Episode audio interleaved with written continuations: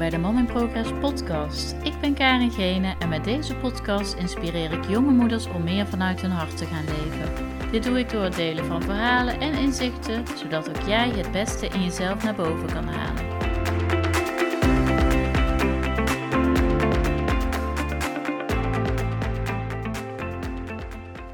Hey, leuk dat je weer luistert naar een nieuwe aflevering van de Mom in Progress podcast. En deze aflevering wil ik je meenemen in afgelopen week, uh, waarin ik eigenlijk een challenge uh, accepteerde. Um, ik luister heel veel naar een podcast van Kim Munnekom. Uh, zij inspireert mij enorm. Zij is um, een business coach en lifestyle coach. Alles wat zij teach is geïnspireerd op de wet van de aantrekking. In haar podcast die ik luister had ze het over acht dingen die belangrijk zijn uh, dagelijks te doen als je succesvol wil zijn. En ja, ik zie succesvol zijn niet alleen uh, dat je dat als ondernemer kan zijn of als je een bedrijf hebt of carrière maakt, maar ook gewoon als vrouw, als moeder, als persoon kun je ook gewoon succes voelen. Um, want succes voor mij betekent eigenlijk het geluk en de dankbaarheid die ik elke dag zo intens ervaar. En de liefde voor mezelf en de mensen om me heen. En dat ik een zichtbare impact kan maken met mijn transformatie en mijn eigen business. Dat is voor mij succes. Maar als ik kijk naar mijn succes persoonlijk, ja, dan is dat echt gewoon het geluk, ultiem geluk ervaren. Maar die acht dingen, dat, dat vond ik wel mooi. Um, die wil ik dan ook eventjes met jou delen. Die acht punten die zij benoemde om succesvol te zijn, die je elke dag mag doen, is uh, slaap minimaal 8 uur per dag. Drink minimaal 2 liter water per dag. Ga elke dag naar buiten. Voed je mind minimaal elke dag met 30 minuten inspiratie. Beweeg minimaal twee keer per week zo, zo intensief dat je hartslag omhoog gaat. Stop met klagen. Eet veel meer groente en fruit en zie en voel elke dag opnieuw hoe mooi en fantastisch je bent.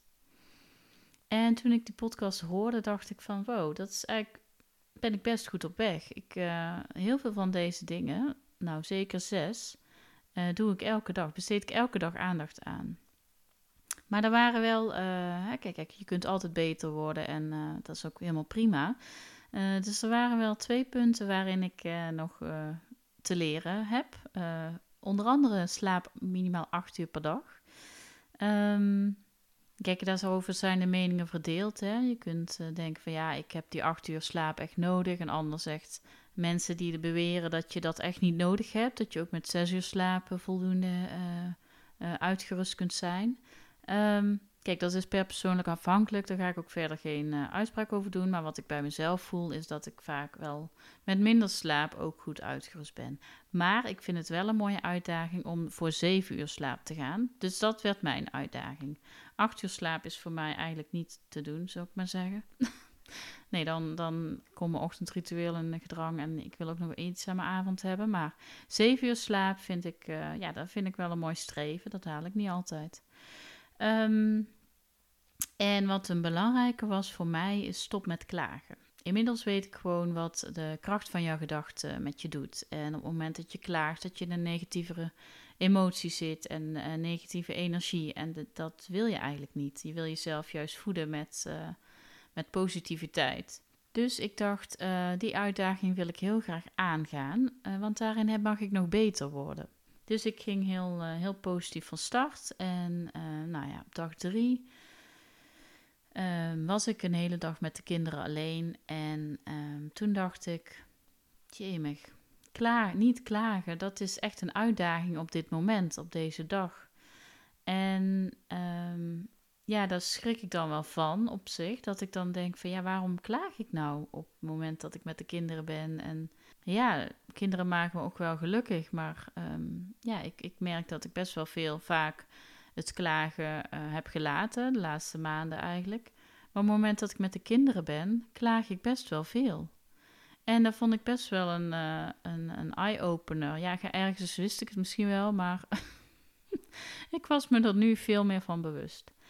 En um, het is een beetje, klagen lijkt ook een, een, tweede natuur te zijn geworden. Tenminste, zo heb ik het de laatste tijd bij mezelf ervaren.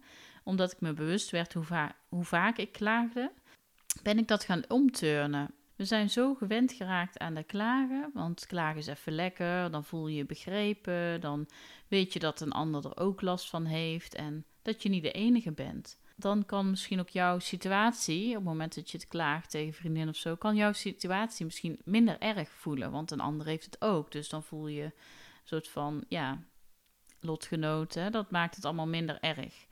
Uh, dus doordat je een ander hoort klagen, voel jij jezelf beter. Maar je kunt blijven klagen en klagen over dezelfde problemen en struggles. Maar je kunt ook met denken van, jee, daar ben ik dus echt klaar mee. En het helpt me ook totaal niet verder. En dat punt had ik afgelopen week ook wel toen ik die challenge accepteerde. Dacht ik, ja, het helpt me ook gewoon niet verder. Ik wil er ook van af, dus ik wil die challenge wel aangaan. Ik wil wel kijken wat daarin, waarin nog winst te behalen is.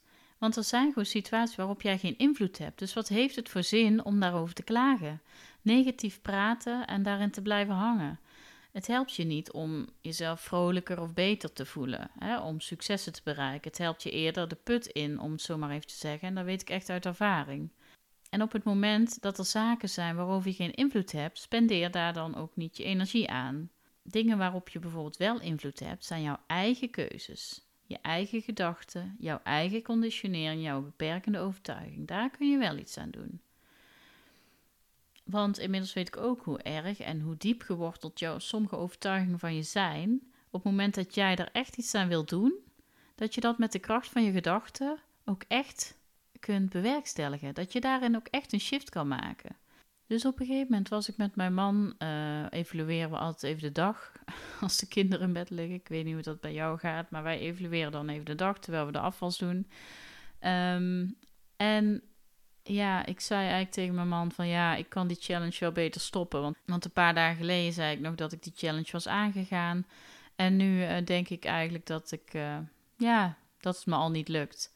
Maar hoe meer ik denk van dat klagen is niet te doen, en dan weet ik ook dat dat bullshit is. Want ik weet dat alles wat je aandacht geeft groeit. Dus hoe meer ik klaag en hoe meer ik mopper, hoe meer dat gaat worden. En je weet vast wel die dagen dat je het gevoel hebt dat je alleen maar bijvoorbeeld politieagent aan het spelen bent. Uh, dat je de ruimte nog niet kan verlaten of er is alweer bonje. Maar toch, hoe meer je erop let, hoe meer je er bang voor bent of denkt dat het toch wel niet zal gaan, dan gebeurt het ook. En dan gaat het ook mis. En soms gaat het veel beter als ik er niet ben, dat weet ik ook. Ehm, dus het feit dat je bewust bent van het momenten dat ik me nu bewust ben van momenten dat ik klaag of negatief ben over een situatie, dat is dan al een mooi begin. En die bewustwording had ik dan ook uh, direct na de eerste dagen. En dat ik, uh, de momenten dat ik met de kinderen was. En ik dacht, oké, eh, wat gaan we hier dan nu aan doen? Want ik mag hierin beter worden. En klagen brengt me in ieder geval niet verder. Maar ik sta mezelf wel toe dat ik mezelf hierin mag ontwikkelen.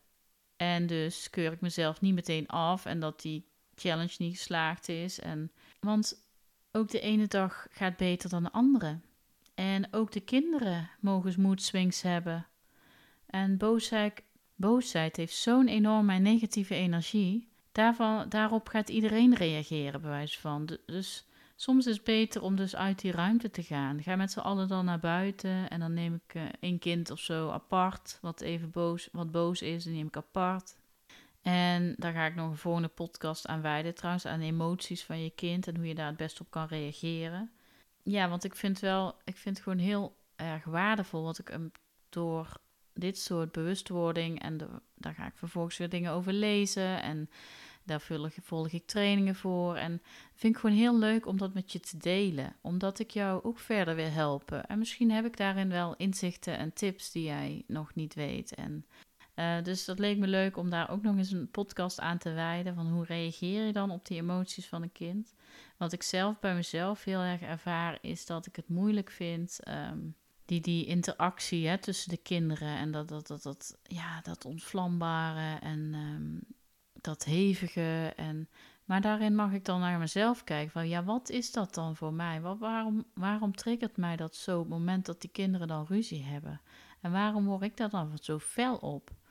Um, dus dat is, ja, dat is nog echt zo'n proces van ja, je wilt gewoon als moeder uh, het zo goed doen. Hè? Je wilt um, um, het zo perfect doen en je wilt dat de kinderen geen ruzie hebben. Maar ja, die boosheid van die kinderen, die mag er ook zijn. En die ruzies mogen zijn, zodat zij daar weer van leren. Zodat zij hun eigen grenzen gaan voelen en hun grenzen gaan aangeven.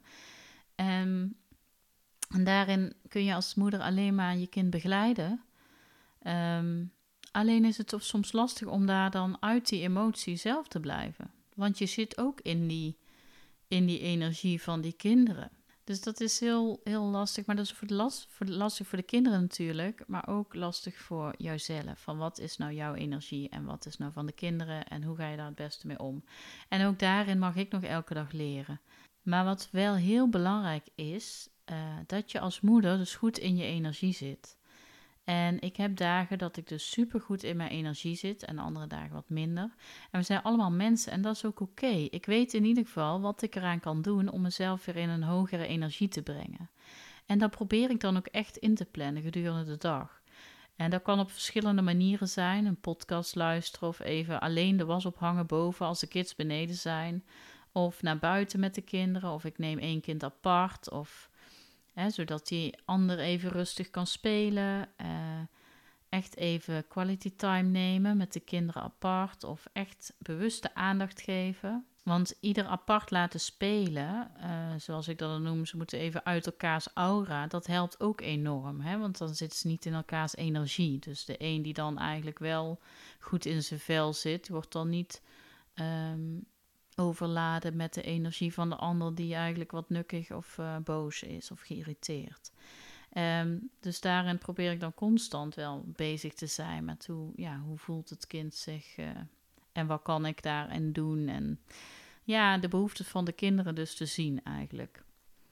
Uh, maar sta jezelf ook toe dat je geen perfecte moeder bent en dat momenten zijn waarop het lastig is. En leg daarin ook niet de lat te hoog. Dus zorg dat je energie hoog genoeg is om je kinderen te kunnen begeleiden.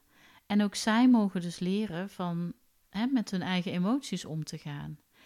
En jij bent als moeder niet altijd degene die uh, alles hoeft op te lossen. Dat mogen ze ook zelf leren. Afhankelijk van de leeftijd kunnen ze zelf ook goed oplossingen bedenken.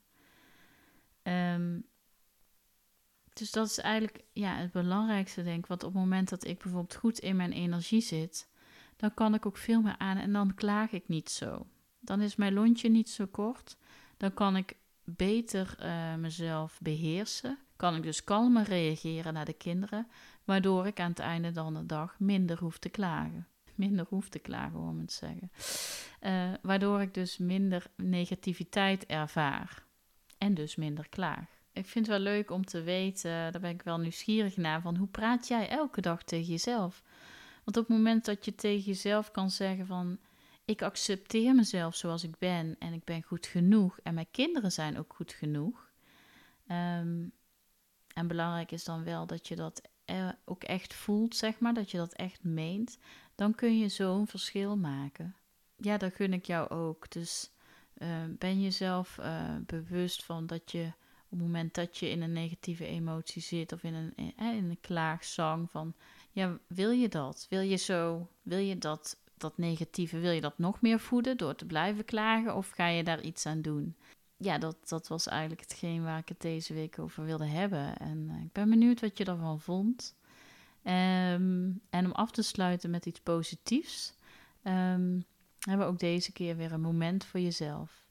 Denk eens aan jezelf, is vast wel een manier ook voor jou.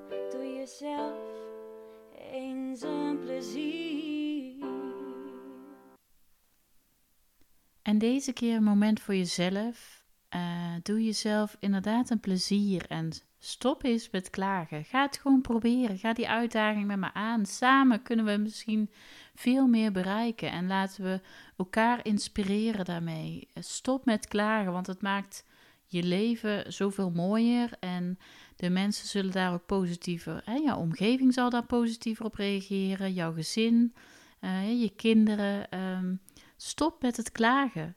Um, en zoals ik met, met, met jou gedeeld heb, uh, ook ik struggle daarmee. En uh, ik heb er ook momenten van dat, ik, dat het me niet lukt. Maar ook dat is oké. Maar je kunt wel je best doen om er beter in te worden. Om vaker je bewust te worden van je gedrag en je, en je negatieve gedachten en je negatieve uitspraken. En, dus ik ben benieuwd, doe je met me mee? Want het lijkt me zo leuk als we dit samen zouden kunnen doen. En ehm, ja, ik denk Ehm, ja, misschien kun je delen op social media als je deze podcast hebt geluisterd. Uh, tag andere moeders erin, andere vrouwen die, waarvan je denkt van nou, die mogen ook wel eens, hè, die kunnen het ook wel eens gebruiken.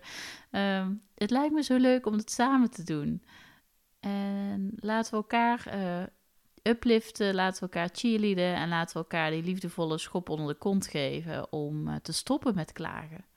En het geeft zoveel positieve energie en dat geeft, gaat jou zelf en je gezin ook echt weer verrijken. Dus want er is zoveel moois waarvoor we eigenlijk dankbaar mogen zijn. En er is altijd wel iets waar je gewoon trots op kan zijn. En niet alles is negatief en, en, en vervelend of naar of weet ik veel wat. Er is zoveel wat er wel is. Kijk gewoon naar wat er wel is. Ook als je uh, zelf uh, negatief voelt of dat je uh, de kinderen het liefst achter het behang plakt, ja, dan is er toch misschien wel iets. Of misschien kun je het met humor oplossen. Of hè, er is, ja, laten we elkaar ook daarin inspireren. Dus dat lijkt me gewoon super leuk om uh, samen met jou te doen. Dus uh, laat me vooral weten of je meedoet. En deel het op Instagram en tag mij er ook in. Um, zou ik super leuk vinden. Dankjewel voor het luisteren en graag tot de volgende keer. Dankjewel voor het luisteren naar deze podcast. Ik zou het super leuk vinden als je me even laat weten wat je ervan vond en of je een inzicht uit deze podcast hebt gehaald. Wil je in gesprek met me? Dat kan natuurlijk ook. Meld je aan voor een cocoongesprek waarin ik mijn inzichten met je deel zodat jij weet welke volgende stap voor jou belangrijk is. Stuur me een berichtje naar karen.karengene.com of volg me op Instagram karen.gene. Graag tot de volgende keer.